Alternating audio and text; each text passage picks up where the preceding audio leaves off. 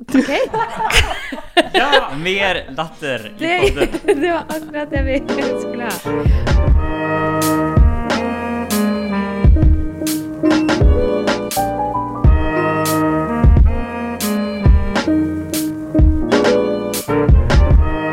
Yes, velkommen folkens, alle vi fire som er her, og alle dere der ute. Som vi håper hører på. ja. Uh, um, vi er her i podkaststudio igjen på Rambu og spiller inn episode to. Og denne gangen så har vi et navn på podkasten. Ester. Oh my god! jeg føler at jeg var kanskje litt overkant uh, cheesy, da. Men, uh, men vi var jo veldig opptatt av at vi skulle ha et navn som, uh, som fenget, og som var lett å huske.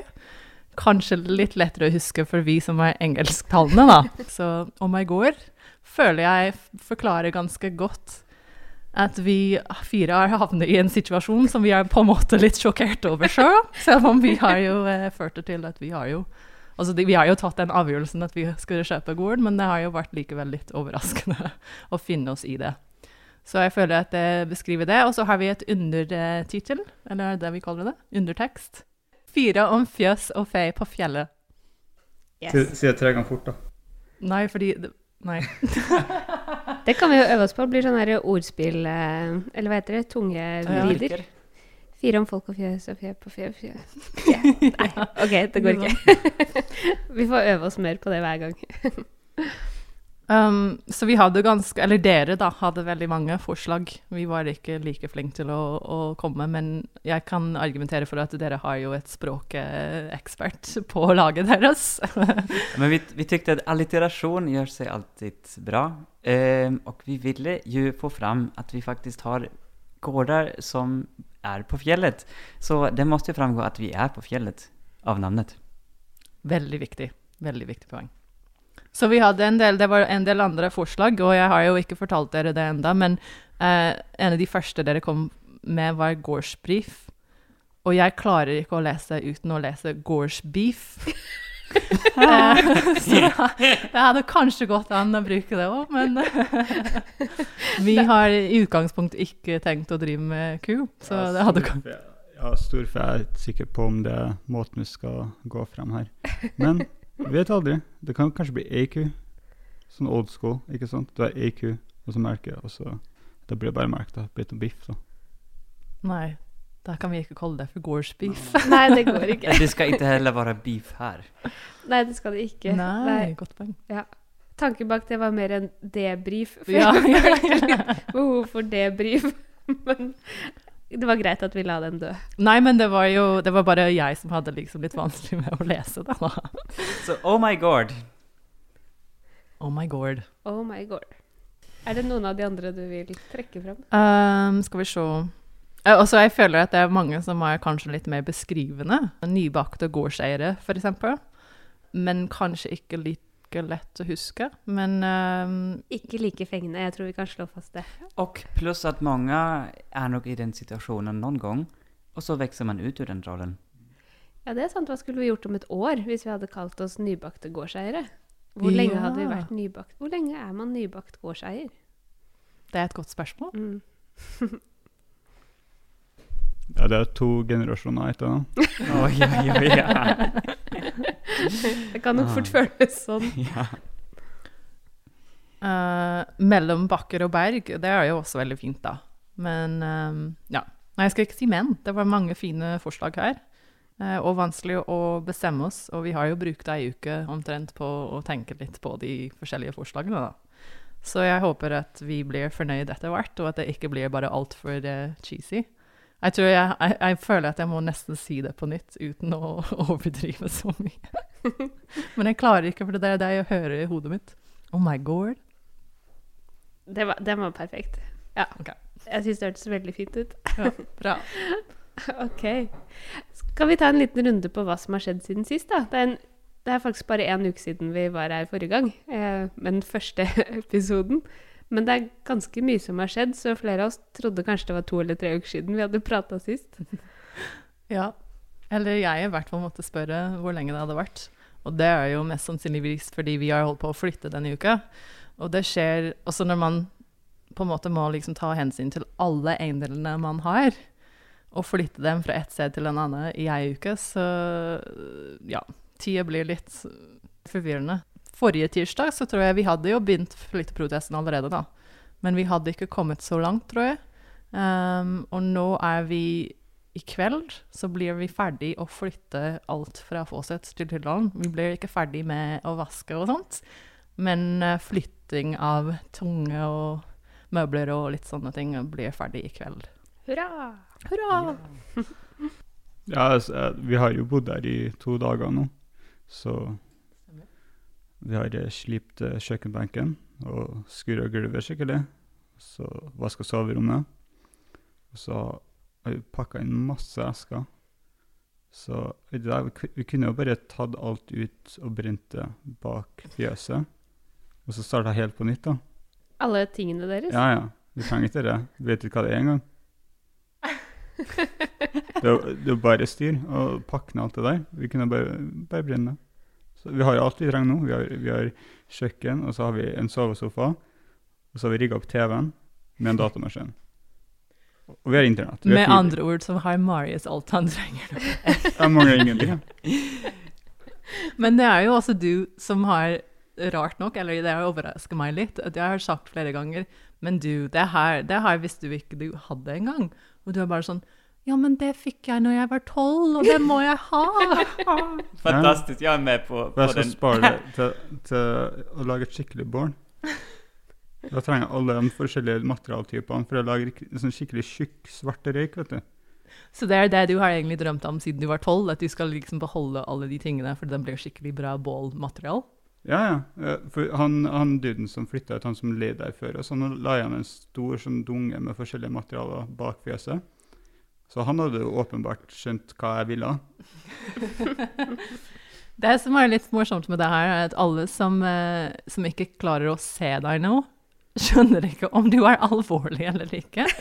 Eller om du mener virkelig det. Men jeg, jeg vet jo bare så det er sagt. Marius har ikke lyst til å brenne alt vi eier. Ja, men det er godt å høre. Men da har ni altså bott der i to dager. Hvordan kjennes det å sove der? Hvordan kjennes det å vakna där? Ja, det er, et, det er et mye finere hus enn en det vi bodde i før. Ikke at det var så dårlig hus, men det her er finere. Det er jo litt ubehagelig nå, men det er bare fordi sovesofaen vår er litt ubehagelig. vi har jo ikke klart å flytte senga enda, så det er det som egentlig står på planen til i kveld. Ja, men nå har vi lånt henger, så nå skjer det. Var det noe spesielt som eh, liksom sto ut eh, sånn eh, Da dere la dere på deres nye gård første kvelden, eller våkna første morgen på ny gård, eller var alt bare hverdag? Nå må vi stå opp og komme oss på jobb og vanlig Det er jo veldig sånn surrealistisk, da. At ja, det her er jo mitt hus. Og så våkner jeg, og hvor er jeg? Hvem som bor her? Ja, det er meg. Det er veldig sant. Ehm, ja, vi, vi sov jo over på setra for to uker siden første gang, og da hadde vi også samme födelse. Vi gikk rundt og tenkte wow, det er, det er faktisk vi som, som skal være her nå. Og Ja, for jeg tror det første dagene så langt for meg har vært litt sånn Du vet når du halvveis våkner, og så tror du du er på ferie. Eller du er jo liksom bare på et sted du skal oppholde deg i noen dager. Så er det bare liksom et par minutter senere at den begynner å liksom treffe meg igjen. At å ja, nei, det her er liksom hjemmet vårt. Det er jo der vi skal bo, bygge opp. Forhåpentligvis over, ganske lang tid, da. Her skal du bo resten av livet. Ikke sant? Og så har det vært veldig lyst og fint. Jeg tror vi har flere vinduer, og det gjør en veldig stor forskjell. Mm. Å, så fint. det har vært veldig deilig å våkne til det, da. Og så har ikke vi gardiner, så det er Det bidrar òg. OK, Rikard, hva har vi gjort siste uka, da? ja, du var jo borta men jeg eh, tog en tur til våre eh, de forskjellige jordene som hører til gården. ehm, tillsammans med din far Og så på, på kvaliteten og eh, i hvilket skikk marken var. Um, Nå er vi ikke helt hundre på, på hva de olika marktyperna heter. Men eh, det ena är eh, i alla fall eh, beitesmark. Och det andra var eh, dyrka mark. Ehm, och Er det noe forskjell på det, da? ja, vi vet inte riktigt exakt. Altså er det noe som heter inmarksbete Ja, och något som heter utmarksbete? Ja. Men utmarksbete det är det som är på Sätra. Ok. Och eh, inmarksbete är nog direkt rundt gården. Ja. Og så har vi um, som sagt jorden der det skal produseres gress. Og Och det såg vi lite och um, man får en uppfattning hur mycket, hur mycket land det faktiskt är när man går runt och ser på varje grästuva. Det är lite tuvigt där så det, det ska nog plöjas upp och så ska man så nytt gräs och sånt. Så det är lite jobb. Och när man tänker, ja vi, vi har jo en massa skog og man kan ta ved og så måste man fälla träd. Men når man går rundt og ser hvor mange trær det faktisk er Og man tenker den her lille eh, granen, den kan bli julgranen. Eller den der. eller den der. eller den der. Og så tenker man, vi kan ikke ha 15 julegraner på første julen. Hvorfor ikke? Hvorfor ikke? Ja, men man kan det ikke. Så da innser man Det blir man... juletre på do, det blir juletre på vaskerommet. Ja, när man, man, när, man, när man faktiskt går runt, och det, det har vi gjort lite grann, men när man på något sätt är lite mer målinriktat med det man ser på. Och tänker, här ska vi ta träden bort som, ska, som, som, som liksom riskerar att växa in på, på åkersmarken. För det vill vi ju undvika, att, ehm, att dyrka mark gror igen. Så då ska man ju ta bort de träden. Ehm, och bara det blir ju massa ved. Ehm, så det, det, var, det var lite spännande att se hur mycket det faktiskt är. Uh, men också lite skräckenjagande att se hur mycket jobb man potentiellt kan kasta sig på. Mm. Ja, det var väl det som hade skjedd sen sist. Ja, det er vel stort sett det. Sånn generelt her på Tynset da, så har vi jo gått fra å ha kuldegrader på natta til å ha den første natta med plussgrader. Hela fem! Ja, Hos oss i alla fall. Ja, tropisk, rett og slett. ja. 15 nu på dagen. Altså, vi har sovet to netter med vinduet åpent. Det, Det er stas. det er veldig stas. Nå, nå skjer det noe. Mm. Hva har vi eh, tenkt å prate mer om i dag? Jo, det neste som står på planen, det er jo eh, at Marius veldig gjerne vil prate om gressklippere. My favorite. Det ble jo halvveis annonsert i den første episoden at dette var noe vi måtte prate mer om. Så tiden er vel egentlig moden for det. Overmoden, kanskje, for å prate om gressklippere. Dere kunne ikke dy dere litt i, i stad, så dere måtte begynne, snikebegynne litt før. Ja, for det har skjedd en, en utvikling på gressklipperfronten siden sist. Jeg var oppe, oppe i høyloftet på, på låven, og så kikka på alt vi hadde der. Der har vi trampoline, og så har vi fant Kul. masse never. Nei! Ja. Åh! Sjukt mye never. Og så vinduer. Og så inni en krok så sto det en, en joke gressklipper. Det sjukeste jeg noen gang har sett. Jeg kan ikke tro at det her maskina eksisterer. Så du, du vet dere sånn, sånn push mower? Altså sånn Manuella gressklipper. ja, med to hjul, og så dytter du den bortover, og så går det et sånt blad i, og liksom klipper gress, og det er drittungt. Uh, men forestill deg den gressklipperen, bare at den er motorisert. Det her objektet finnes, og jeg har en sånn. Så liksom Jeg hadde jo tenkt å dra på Finn og, og lete opp en, en, en bensindrevet gressklipper. Men jeg, jeg tror jeg skal finne frem den, og skal se om jeg greier å få start på den. Og bare være han karen med den sykeste gressklipperen. Men, men betyr det at den Altså, hvordan går den av seg selv? og så må du bare henge bak og styre den, eller? Det er et mysterium. Ja. Jeg, jeg vet ikke ennå. Fordi det jeg ikke skjønner, er hvordan, eh, Altså, blir ikke selve motoren det som gjør det for tungt å liksom dytte bortover, liksom? Altså, jeg skjønner ikke. Ja, altså, jeg, jeg har et håp om at det, det, det drive til hjulene, og at den, den på en måte prøver i hvert fall å, å kjøre seg sjøl bortover. Så jeg ikke må, må liksom dytte. For liksom, det, det, er jo ikke, det er jo kanskje litt av det å, dra bladet rundt som, som krever krefter, men det, det du sier med at den blir veldig tung med den motoren på, det må jo være noe Jeg skal finne ut av det til neste gang. Men i fall, det der er utgangspunktet i gressklippersagaen. Jeg skal begynne der og skal jobbe meg opp i gressklipperverdenen. Hadde, hadde det ikke vært fett å ha sånn minitraktor, gressklipper, seran mower? Er det en sånn bitte liten traktor uh, Ja. med gressklipper under? Altså ikke en traktor, men sånn du sitter oppå? Du sitter oppå, og så har du en ratt. Ikke ja, sant? ikke sant? Ja. Ja. Så det er sånn, ja. Det kan jeg kanskje unne meg. Og så kan jeg kjøre rundt med det. Og så har jeg tenkt at er det fyllekjøring hvis det er gressklipper? Det er det du tenker når du bor i Tyldalen. Men Marius, det her er kanskje kul. Um, første gangen du gjør det. Kanske också andra gången. Men jag tippar att tredje gången du måste klippa den där jäkla stora plenen så kommer du tänka, nej, alltså nu hade jag hellre velat brygga öl eller fixat något i huset eller dyrkat mina grönsaker. Ja, du sier noe der. Det, det er åpenbart at det her kommer til å bli bare en helt vanlig ting til slutt. Ja, Og da er det plutselig Ok, da er den gressklipperen sjukt ræva. ja. Ja. Så, men er det gressklipperen som er problemet, eller er det plena? Eller deg, holdt jeg på å si. Jeg trodde det var det du skulle si. Når du Ja, blir da lei av ja, ja. jobben. Det, det kan være noe med, med innstillinga og mentaliteten min som gjør at det her er, er Kanskje problemet er meg. Er, er den felles faktoren i alle de gressklipperscenarioene her? Ja, det, var, Og det har han ikke tenkt på frem til akkurat nå. det var ikke meningen å introdusere deg som et problem. med Det, Me? That can't be me. No, no, no. It's definitely the lawn.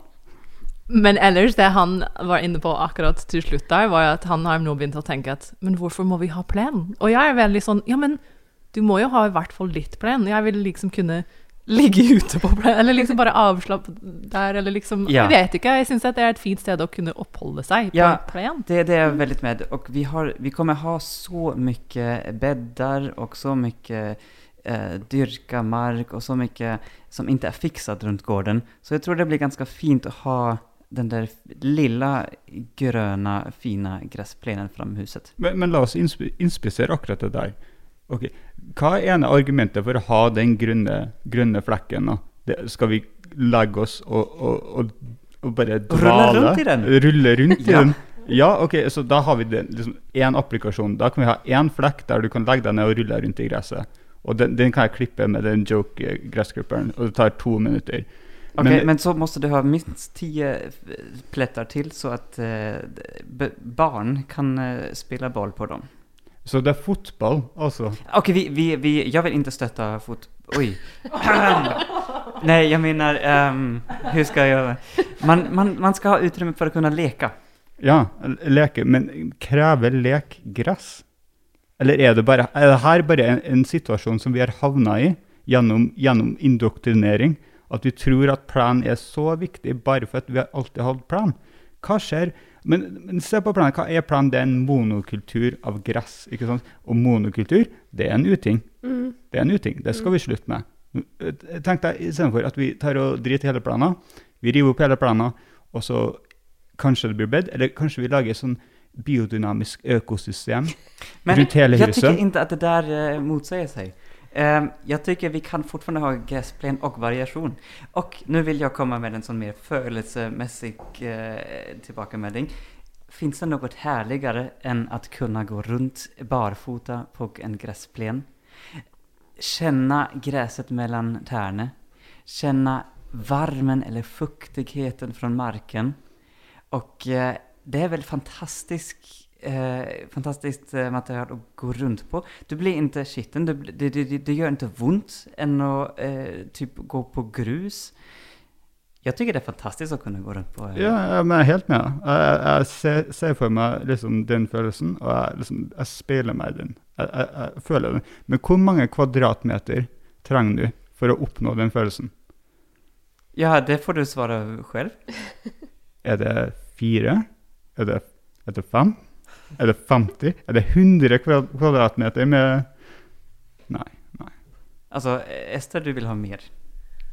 Jeg tror jeg er litt eh, der sammen med deg med å kunne liksom kjenne på gresset mellom tærne og sånt. Og bare liksom kose meg med at det finnes en plen. Men jeg har jo også et annet argument jeg har, har nettopp husket, og det er jo at ferskklippet gress er jo veldig fint for plantebedene. Mm. Det hadde vi på dem i fjor, og den gir, den gir det mye næring til eh, ja, plantene og sånn. Så det er jo Nå kommer vi til å ha masse klippegress som vi kan bruke på, i drivhuset. Så det er grunngjødsel al al altså du sikter til? Ja. Eh, men da, då, då var vi inne i gressklippere. Mm -hmm. Et, et eh, ekstra tema for, eh, nei, et ekstra poeng for eh, gressplen er jo eh, rent estetisk. Så sånn Og da kan det jo bikke over. Kan jo ha et hus med bare gressplen rundt. Det kan jo liksom bli kjedelig. Men også et eh, sånn velholdt tun med noe klippa gress. Så, så ser det liksom velholdt og innbydende ut eh, ganske kjapt, da. Ja, vi skal, vel, vi skal vel minne gamle Aristoteles som sa inget, Altså alt med måte. Alt med måte. Inget i overfløde Med den aggan er det vel. ja, men no, akkurat nå, i den situasjonen her, så har vi altfor mye gress. Det er, liksom, det er bare gress. Altså, jeg, jeg, jeg- jeg stiller meg antiplan, rett og slett. Men det høres jo ut som til sammen så kan dere jo få en ganske sånn velholdt hage med både plass til humler, bier, blomster, eh, villblomster, ugress og litt plen. Og at alt dette kan forenes, eh, eller bli en skjønn forening. Ja, litt plan. Jeg likte den. Ja, jeg kan bli med på det. Litt. Men det er også en annen type gressklipper som Ja, vi ikke har diskutert. Apropos, apropos gödsling. För det som vi var eh, så vidt innom förra gången, det är ju robotgräsklipper. Och eh, då finns det lite olika fördelar och olämpor. Och en, på något sätt, alltså nu får man se det från olika håll, men en, en grej med robotgräsklipper är ju att den gödslar plenen. Den, eh, den, det är en sån bioklipper, så den, den klipper sönder eh, gräset smått och det ligger kvar på plenen og blir gjødsel til plenen, så at du får en finere plen. Men vi får ikke alt det der gresset som vi kan eh, an, bruka som, som markdekke eh, på, på våre beder. Mm. Så fra vårt perspektiv er det kanskje en liten ulempe. Medan det er en fordel for plenen. Men det må jo være versjoner som ikke klipper sund Ja. gresset fullstendig. Eller gjør de alle det? Jag tror, jag tror det, det gör de. Ska jag bara läsa upp de olika ulemperna? Men, Ja, men, men går det ikke an å da rake inn det gresset likevel? Det gjør det nok, men jeg tror de klipper hyppigere og dermed mindre. Så du får mye Ah. mindre... Eh, Men det? det går sikkert an å stille inn. På hvor høyt de skal klippe og, og sånne ting. Jo, Og så trenger trenger vi jo ikke å kjøre den ut hver, hver dag. Jeg Nei, tror den men- lever sitt eget liv. Ja, den den lever- til å bestemme Ja. Ah. nå, nå har jeg lyst til å klippe. Ja, Nå, nå føler jeg på meg at det er på tide. Ja, ok. Og den, den justerer, om jeg har forstått rett, den justerer um, hvor mye den tar Um, avhengig av hvor langt gresset er. Aha. Så at den aldri tar for mycket. Men det betyr jo at vi må låne Marius sin eh, den her skyvegressklipperen Altså, på en del av plenen, sånn sånn at vi har litt gjødsel. Da, da, får vi tenke hvor mye mark vi har. Jeg tenker den der robotgressklipperen, om vi nå skal ha en sånn, den må jo ikke gå rundt overalt. Vi kan jo bare ha den typ på de 200-300 kvadratmeters plen vi vil ha. 300 kvadrat. 400 for min del. Nej men skämt åsido. Men det är ju massa gräs vi kan bara slå med jo, med, li, med lie. Jo. Jo. Um, Ja, for det jeg har også tenkt på at kanskje jeg skal være han ljåmannen som ikke har gressklipper i det hele tatt. Marius, du kommer til å bli tyld av en skrekk hvis du går rundt med ljå. Han dere karen med Ljå, skjønner du? Ah, ja. Um, jeg tror en av ulempene, om man nu gjenføre det med en jo, er at um, en sån gräsklipper-robot, den är lite dyrare. Jeg har sett prisen. Ja, shit. Ja, der sa du det. Shit. Men Finn, da? Det må være på Finn. Ja, jeg tror man måste nog ha en som är tilpasset. det område man, man har hemma. Den måste passa i størrelse, du måste ha si och så många meter som du ska lägga i backen för sensorerna och sånt. Så du må liksom påfylle kjøpet og kjøpe hele pakka. Jeg tror der kan vi ikke finne Finn, fynda. Det var Mm. synd. Og, Men inn i den prisen så kan man jo da på en måte regne de arbeidstimene man sparer, da. Ja, Potensielt. Så, så så hva skjer eh, når robotgressklipperen bikker og ligger hjelpeløs på ryggen som en skilpadde? Det har aldri skjedd. Det kommer Jeg- aldrig til å skje.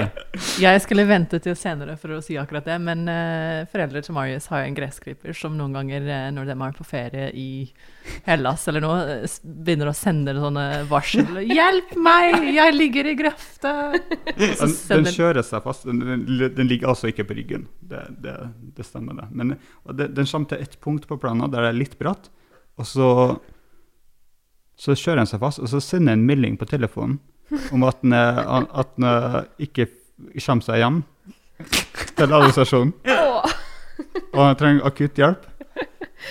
Men du vet, nå Altså, vi flytter jo på gård. Vi kommer jo aldri til å kunne dra noe sted uansett. Så ferie i Hellas, det kan vi bare glemme.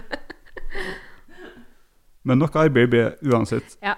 Ja, for en av ulempene som listes ehm, eh, på nettet er du går glipp av gratis trim. Og den skal vi bare skratte åt, eller? Ja, ja, du får nok trim av hele gården å drive med? Ta en tur i skogen og hogg noen trær. Eller Ja, Og så eh, en annen ulempe er at den er farlig for pinnsvin. Men eh, jeg vet ikke, er det pinnsvin her på Tynset? Jeg har aldri sett et pinnsvin. Det betyr ikke at de ikke er her, men Men jeg har heller aldri hørt noen prate om det. nei, det, det var ny igjen. Ja, jeg tror at det er kanskje for kaldt for dem her. Kanskje vi må sjekke ut det med pinnsvin, så vi ikke um, tar livet av noe pinnsvin um, for Ja. å ha grønn plen. Ja. Men uh, pinnsvin er nå én ting, men uh, katter og barn og sånn Og det tenkte jeg egentlig på når dere skal teste den her uh, gressklipperen deres, så pass på at katten er inne og sånn før dere setter i gang. Jo, men de modernere um, Da er vi återigen hva den koster. men de modernere gressklipperne Robotgressklipperne de har masse sensorer som stopper for kattesvanser, kattehaler og eh, barneføtter og sånt. Men ikke pinnsvin. Nei, ikke pinnsvin. Ok. Mm, ehm, för att komma till fördelarna. Du slipper att klippa plenen och jag tror Marius, där kommer. Jeg er helt enig. Ja men så bra, så bra. Da Vi, då tränger vi inte ta den någon mer. Ja. Um, du får en finare plen än du hade. Subjektivt. Circumstantial. Men det har jo sikkert det med gjødsling, selvgjødsling å ja, gjøre. ja. ja. Selvgjødsling, og uh, på en eller annen magisk måte så skal den ta bort mose. Ah. Men det handler vel om hvor ofte du klipper gresset. Det tror jeg gjelder generelt Ja. også. Men da er det kanskje det at du da tar med arbeidsinnsats og sånn, for du gidder ikke å klippe gresset sjøl så ofte Nei, som det sant. Men er det om å gjøre ikke ha mose på plenen? Er det greia? Jeg tror sånn, sånn uh, eh, Er det estetisk? Estetisk. Villamessig så, så skal man Ah, ikke okay, ha mose ja, i plena. ok. Men mose i plena er jo mye mykere å gå på. Ja, det er det jeg tenkte på når du sa det òg. Det kanskje måtte finnes en balanse her også. Mm. Um, en annen fordel er at det er en god investering for eldre eller bevegelseshemmede. Um, jeg tror den er nok Ikke gjelder oss, i hvert fall. Ikke ennå, i hvert fall. inte ennå. Um, og en annen fordel er at du kan klippe plenen på søndager uten å irritere naboen. Og da tenker jeg vi bor på en gård og en av fordelene er at man på noe sett har en innebyggd rätt att bruka till och med motorsag på söndagar. För jobb må göras och traktoren traktorn må ut och rulla. Och det spelar ingen roll om den är en idag eller inte. Så den, Og du har ikke så veldig mange naboer. Sånn, Nei. I hvert fall ikke rett innpå. Nei, det er også sant. Ja. Um, men den uh, siste fordelen som nevnt, den er kanskje den som, som jeg liker. eh, den, den kan jeg kjøpe, og det er at den forurenser mindre. Ja, eh, den går på strøm. Det er jo grunnleggende. Så du skifter Fordel. inte, du behøver ikke ha olje, du behøver ikke skifte olje som, en, som på en bensindreven Ja, Jeg må jo dra til bensinstasjonen med en sånn liten kanne og begynne å fylle opp sånn kanne med bensin. liksom. Er du, fyll, er du full da, når du fyller opp den? Ja, hvis, hvis jeg har sånn gressklipper som er ratt, ja. Da skal jeg kjøre den gressklipperen på, på veien til bensinstasjonen. Helst med et par halvlitere. Med, med ljåen. Men da, da tror jeg det blir fyllekjøring med en gang det kommer på veien. Men Ja. på planen, det, det, det tror jeg er innafor. Altså. Men da har jeg et spørsmål om hva med, med, med de som er bare elektrisk, som ikke er robotklippere, fordi vi så på en på Finn nylig, men det virket nesten litt for billig å være sant, eller liksom, eh, vi var litt skeptiske fordi det var så billig, men eh, en med ledning, og så selvfølgelig må du fortsatt gjennomføre arbeidet da, men, men det forurenser mindre. Mm. Det er sant, men det har en begrenset rekkevidde. Men det gjør ingenting om de bare har fyra kvadratmeter plen. Um, Mm. Men det har jo eh, En sånn type gressklipper har jo vi Ja. per nå. eh, Og vi har ganske mye mindre plen enn det vi kommer til å ha. Og det er fortsatt et mas å Jo, og och den snurrer på et litet blad som kanskje har typ 32 centimeter i diameter. Så du kommer springe opp og ned dine 400 kvadrat eh, mye oftere. Så det er litt bullshit med sånn Og må ha en veldig lang skjøteledning, da. Hvis Ja. dere skal og passa på den, at man ikke kjører over den. Ja, det var litt det jeg tenkte, det var sikkert litt plagsomt egentlig å ha ledning. Men, eh, men jeg, er- jeg er mer for å ha en som ikke er, er bensindrevet. Ja, det er veldig sant. Men dere kan jo låne vår og teste det litt ut. Ja, gjerne. gjerne Mm. da. Men det er en ting vi ikke har vurdert, og det er dyr. Ja, hallo, vi kan jo bare ha en sau. Se, bare slapp løs geteren. Ja, det är jättehärligt att gå runt barfota på plenen sen. Ja, ja. Det er, det er bare litt gjødsel. Det var jo 100 jeg bare gjødsla Det er også en sånn deilig følelse mellom tærne. Fint og mykt og uh, Og litt varmt en gang iblant. Kanske. Men da får du jo vinduskarmene fulle av fluer og ja, det er ja, det er noen ulemper der også som vi Ja. Mm. Da, vi har ett tema til som vi tenkte vi skulle prate om i dag. Um, og det er jo fordi det er ganske aktuelt. Sånn at vi kan ikke liksom prate om det her om et halvår. Og det er eh, bondeopprør og jordbruks... Uh, landbruksoppgjør. Må ha tunga litt rett i munnen på det der. Og det skal vi jo si, her har vi så vidt begynt å sette oss inn i. Ja, for da det ble foreslått, så tenkte jeg Oi! Det kan, noen av oss nok om det her til at vi i det hele tatt kan diskutere det oss. Men eh, det er jo relevant. Vi bor jo på landet. Vi spiser jo mat. Og vi skal bli bønder. Så det er vel en sånn eh, ting som man bare må begynne å sette seg inn i i en eller annen ende. Og så år for år så kommer vi til å skjønne mer og mer av det her. Og hva som skjer. Og da kan man egentlig si altså äter du mat så er det her aktuelt for dig. Ja. Og det gjør gör vi vel alle. Ja, vi gjør og det. egentlig så vet vi alldeles for lite om det. Så vi har forsøkt å sette oss inn i det lite grann og vi forsøker vel oppsummere det utifrån det som vi kjenner, og så diskutere litt grann hva det, um, hva det betyr for oss. Hvis vi skal begynne i den ene enden, da, så er det det her med landbruksoppgjøret. Og det har vi skjønt, det er noe som kommer hvert år. Og det er liksom en sånn slags lønnsoppgjør for bøndene. Men så er jo ikke bøndene Bønder er jo ikke fast ansatt. De får jo ikke liksom fast lønn hver måned, så det er jo ikke som et vanlig lønnsoppgjør sånn eh, som man har hver vår i alle andre yrkesgrupper ellers. Man er selvstendig næringsdrivende. Og da er det sånn at det er eh, forhandlinger mellom bondeorganisasjonene og staten. Mhm. Ja, så eh, det der oppgjøret, det er noe som skjer hvert år. Ja, og da skal man da komme fram til den her jordbruksavtalen som skal sørge for at eh, de eh, måla som Stortinget har fastsatt for norsk matproduksjon, blir oppfylt. Og da bestemmes bl.a. maksprisen som eh, bønder kan få for jordbruksvarer, og hvor store overføringer som skal gå til landbruket. Det er vel de her berømte subsidiene som man snakker om, hvis jeg har skjønt rett. Og prosessen lite kjapt er at bondelagene de kommer med et forslag. Hur mye penger trengs det? Og så er det et forslag som de sender til regjeringen. Eller til, til, til staten. Til staten. Eh, og så forhandles det om det. Og så går det til Stortinget for at på noe sett eh, faststemples. Ja. Og i år så har, eh, så har vi inte kommit till några förhandlingar. For organisasjonene de kom eh, De kom med et eh, krav. De ba bl.a. om en eh, økning som skulle begynne å tette lønnsgapet mellom bønder og andre, andre her i landet. Ja, det, det, det kommer mer og mer krav Hvor, eh, hvor mye avkastning en gård skal ha, hur mycket lite mjölk en ku ska producera och vilka standarder bondgårdar ska eh, uppfylla. Effektivitetskrav, eh, rett og slett. Ja. Och samtidigt så, så har priset stått ganska stilla. Ja. Alltså det man får för råvarorna. Så det betyr at bonden går mer og mer i minus eh, hele tiden. Så organisasjonene ba da om eh, et nivå, og så eh, kom staten med et tilbud som var på rundt halvparten. Eller var det Mindre enn mindre enn halvparten. halvparten? Ja. Ja, 40 procent. 40 ja. Og da skal man også huske at eh, det som bondelaget eh, kom med, det, er, det var også lite lite i utgangspunktet.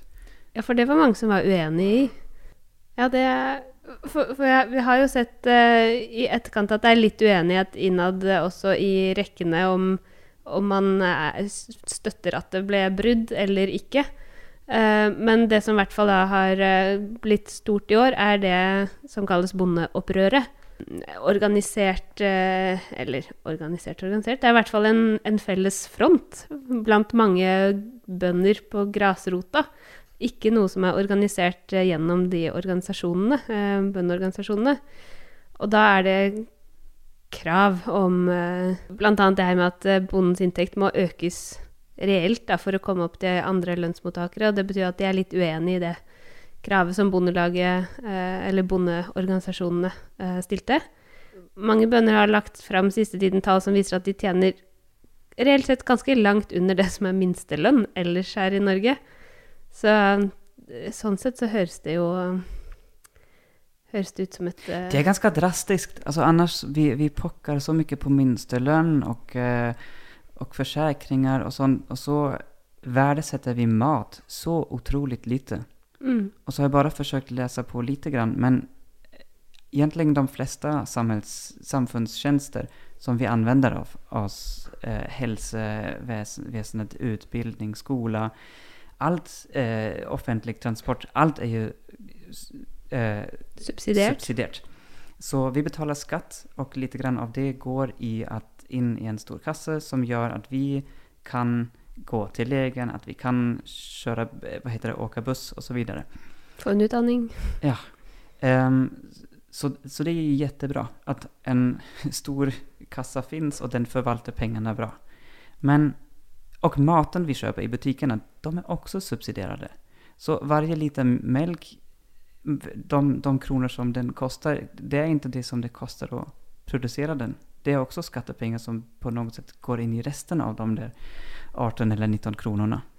Men likevel så er det jo noe mismatch her, når da bonden får mindre og mindre for varene sine, og kostnadene de har for å drive det her rundt, og for investeringer, de følger jo samfunnsutviklinga ellers, og det øker og øker. Ja.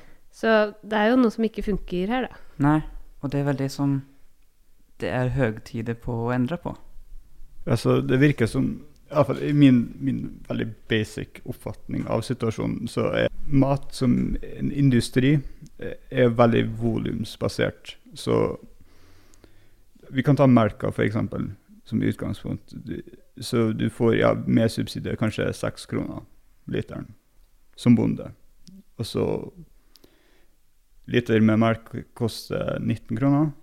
Det er rundt der en plass. Og så de pengene Det er ikke sånn at matvarekjedene tar de pengene opp på toppen. For alt av matvarer er jo sånn at det må inn i en industrisammenheng og, og raffineres og gjøres om, om til et produkt som kan da bli levert og distribuert ut til alle matvarebutikkene.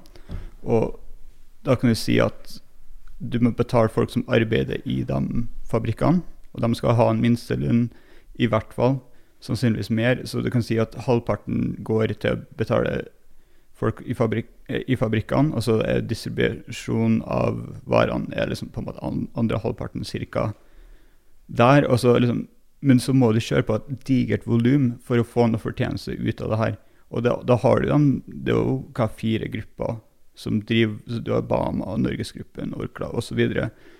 som på en måte driver all matvareindustrien i hele Norge. Og, og det er jo et digert volum. Nå er det vel Tine som driver liksom, Ja, med melka. Nøyaktig. Og så har du ja, kumelk, men det er jo en dråpe i bøtta i forhold til hva, hva Tine driver på med. Så du har liksom, du har Tine, det er meieriet i Norge. Det var jo meieri overalt før, og da var liksom bonden mye nærmere tilknytta den industrien. Og det var jo lokalt.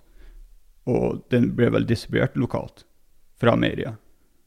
Men jeg tror Ja. det där TINE-konceptet, det er ganske komplisert. Eh, og det, alltså, eh, om jeg har forstått noe lite grann så er vel TINE for å kunne opprettholde samme pris og att kunne opprettholde smågårder som er langt bort fra andre gårder. och eh, Ja, det er vel pålagt å hente melk i hele landet, sånn at de må jo også ha et eh, bredt distribusjonsnettverk og sentraler litt rundt omkring. Ja. Så, så egentlig, jeg tror tanken er kanskje Jeg tror tanken er ganske bra bakom TINE da. Ja, men du, du kan jo se på det sånn, ikke sant? at det, det fungerer på det nivået at alle kan levere til Tine. Men i, i og med at mesteparten av pengene som kommer når jeg som kunde kjøper én liter melk i butikken, forsvinner før den, den kommer ikke tilbake til bonden. ikke Nei. sant? For den skal gjennom de leddene. Så en idé er å liksom involvere bonden mer i selve industrisektoren, så kan du liksom pile av enda mer via det, istedenfor å holde dem helt utafor. Og de Ja, kun okay. produserer råvarene. For det er ikke noe galt med råvarene. Ikke sant? Råvarene er gode. Og så må du gjennom de leddene. Og så, for å øke den satsen, så du kan ikke ta penger fra det leddet, for det krever de midlene for å produsere produktet i den modellen som vi har nå. Men tenker du da mer på sånn eh, eh, produksjon direkte fra eh, produsent til forbruker, sånn som Reko Ring og Nøyaktig den type Ja, for det er kanskje lettere med en god del andre ting enn akkurat melk. Det blir kanskje et litt vanskelig Ja, for du kan fucke opp melka. Ja, akkurat litt eh, Ja. Ja, så liksom, Kanskje det er et dårlig eksempel, men liksom bare for å zoome inn på ett element i, Ja. i det, situasjonen. at ja, du, du har en massiv industri, og vi eksporterer til utlandet, Jarlsberg, og vi var i Canada og fant Tine brunost. da. Men Marius, du nevnte, du nevnte eksport. Og, og, det er jo også noe som, som er viktig i sammenhengen. Og det er um, Hva er vi kapabla til å produsere av mat for oss själva? Ehm, och mat är ju som sagt, det är det allra grundläggandaste vi kan tänka oss. Mest grundläggande vi kan tänka oss. Um, och tar vi bort grundlaget att vi kan producera mat som vi tränger, gör vi oss för avhängig av importerad mat, så är det egentligen, som på världsbasis, ingen bra utveckling. Om det blir någon kris så kommer man alltid prioritera sig först. ja vi har jo nettopp eh, vært gjennom Ja. en sånn type krise, Ja. hvor man ser at det, det kan bli vanskeligere med å frakte varer over landegrensene. Selvforsyningsgraden i Norge? Den er ikke veldig høy, under 36 40 36% ja. Så, og veier man det opp, så, så er det egentlig ganske klart at vi, Altså, priset vi betaler, det er for lite.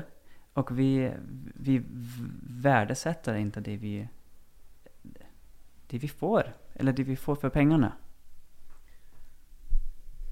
Det er derfor jeg syns at det her eh, det, at det er så rart at det her kommer nå. Altså, jeg trodde vi hadde lært masse i fjor, eh, når pandemien traff. At liksom Oi, vi må faktisk støtte lokale bedrifter, og vi må faktisk produsere mer selv og være litt mer selvstendig i forhold til um, også mat spesielt. Også det, er, det merkeligste av alt er at eh, mat er jo, som du sier, helt essensielt. Vi kan ikke leve uten mat. Så alt ellers som folk på en måte driver og klager over, og politikk og transport og alt ellers vi snakker om som eh, er subsidiert. Altså, ingen av det betyr noen ting med mindre vi har mat, fordi vi kan Ja. ikke gjøre noe uten mat. Det er egentlig ganske frustrerende at vi, at det kjennes at vi ikke har gjort så mye mer Mm. og kommet så mye längre.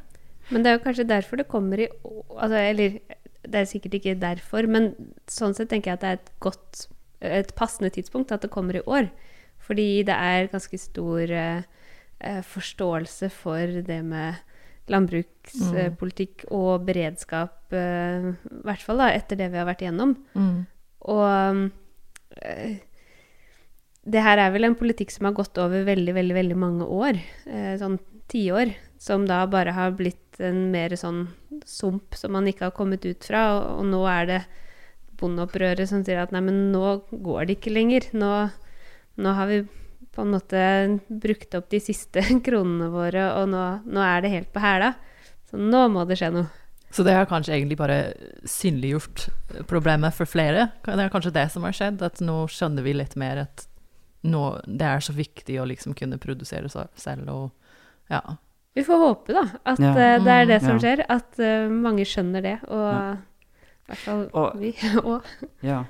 Og så, så er det jo det er jo en annen aspekt også. Det er ikke bare at vi vil ha mat, utan vi vil jo også ha bra mat.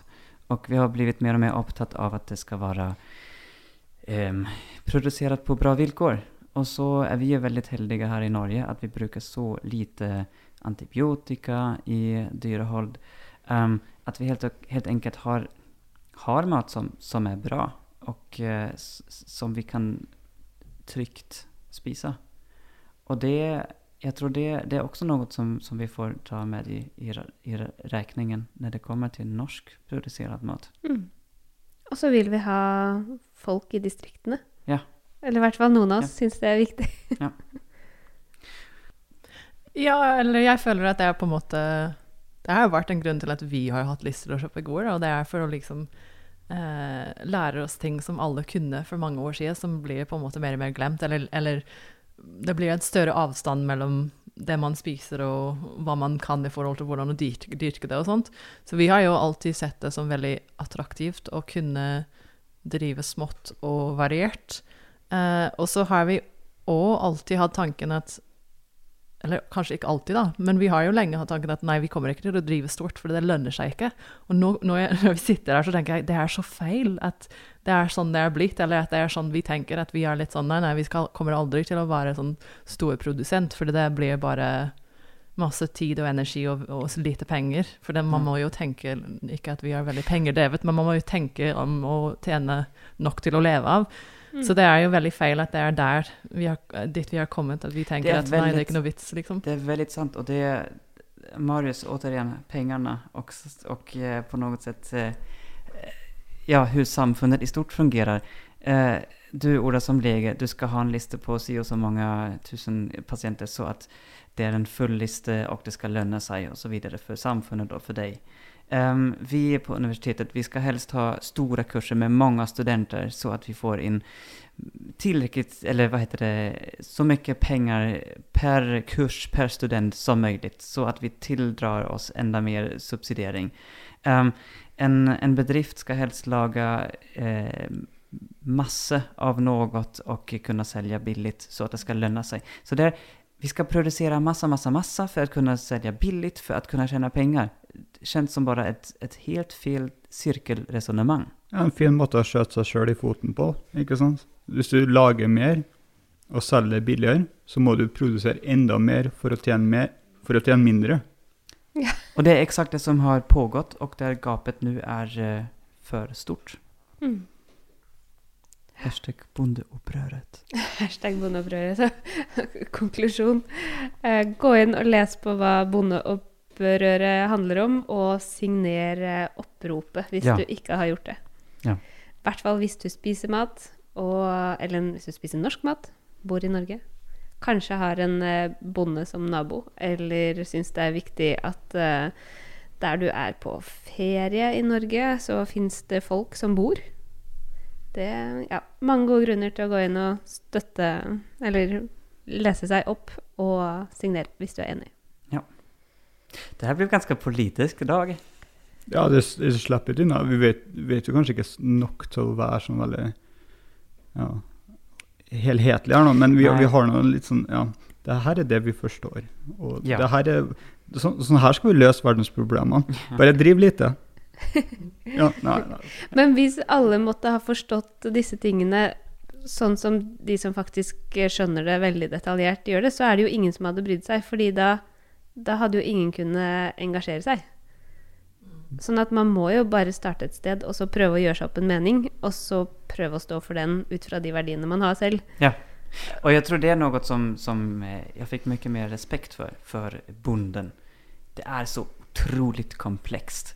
Man er en bedrift, man, man måste både fixa, kunna fixa traktorer och eh, klippa gräset och förstå ekonomi och politik på en otroligt hög nivå. Och det, eh, det, det er ikke bare bare. It's not only only. Så det du egentlig sier, er at bønder er uh, dagens helter, da? Ja, Ja, men det var en fin oppsummering. Men vi kan, kan ikke jo leve uten de, så Kan ikke det. Kan ikke det. Ok, da runder vi av for i dag. Og så sier vi takk for at du har hørt på. Hvis du har orka å høre helt til nå. Ah, ja. Kanskje vi deler det opp i to episoder. Jeg håper du ble skikkelig provosert. Og så kan du skrive sånne nasty kommentarer. Han der Marius, han er Men foreløpig kan du ikke skrive kommentarer, for vi har verken lagt ut eller vi har liksom noen måte hvor folk kan kontakte oss på. Men det kommer. Ja. egentlig så eksisterer vi i en liten boble med oss sjøl og har det kjempegøy og prøver å være litt politisk og ja. Ja, det Det kommer, det kommer. Nei, men takk for at du hørte på, og vi håper dere hører på neste gang. Ha det! Ha det! Ha det! Ha det bra nå.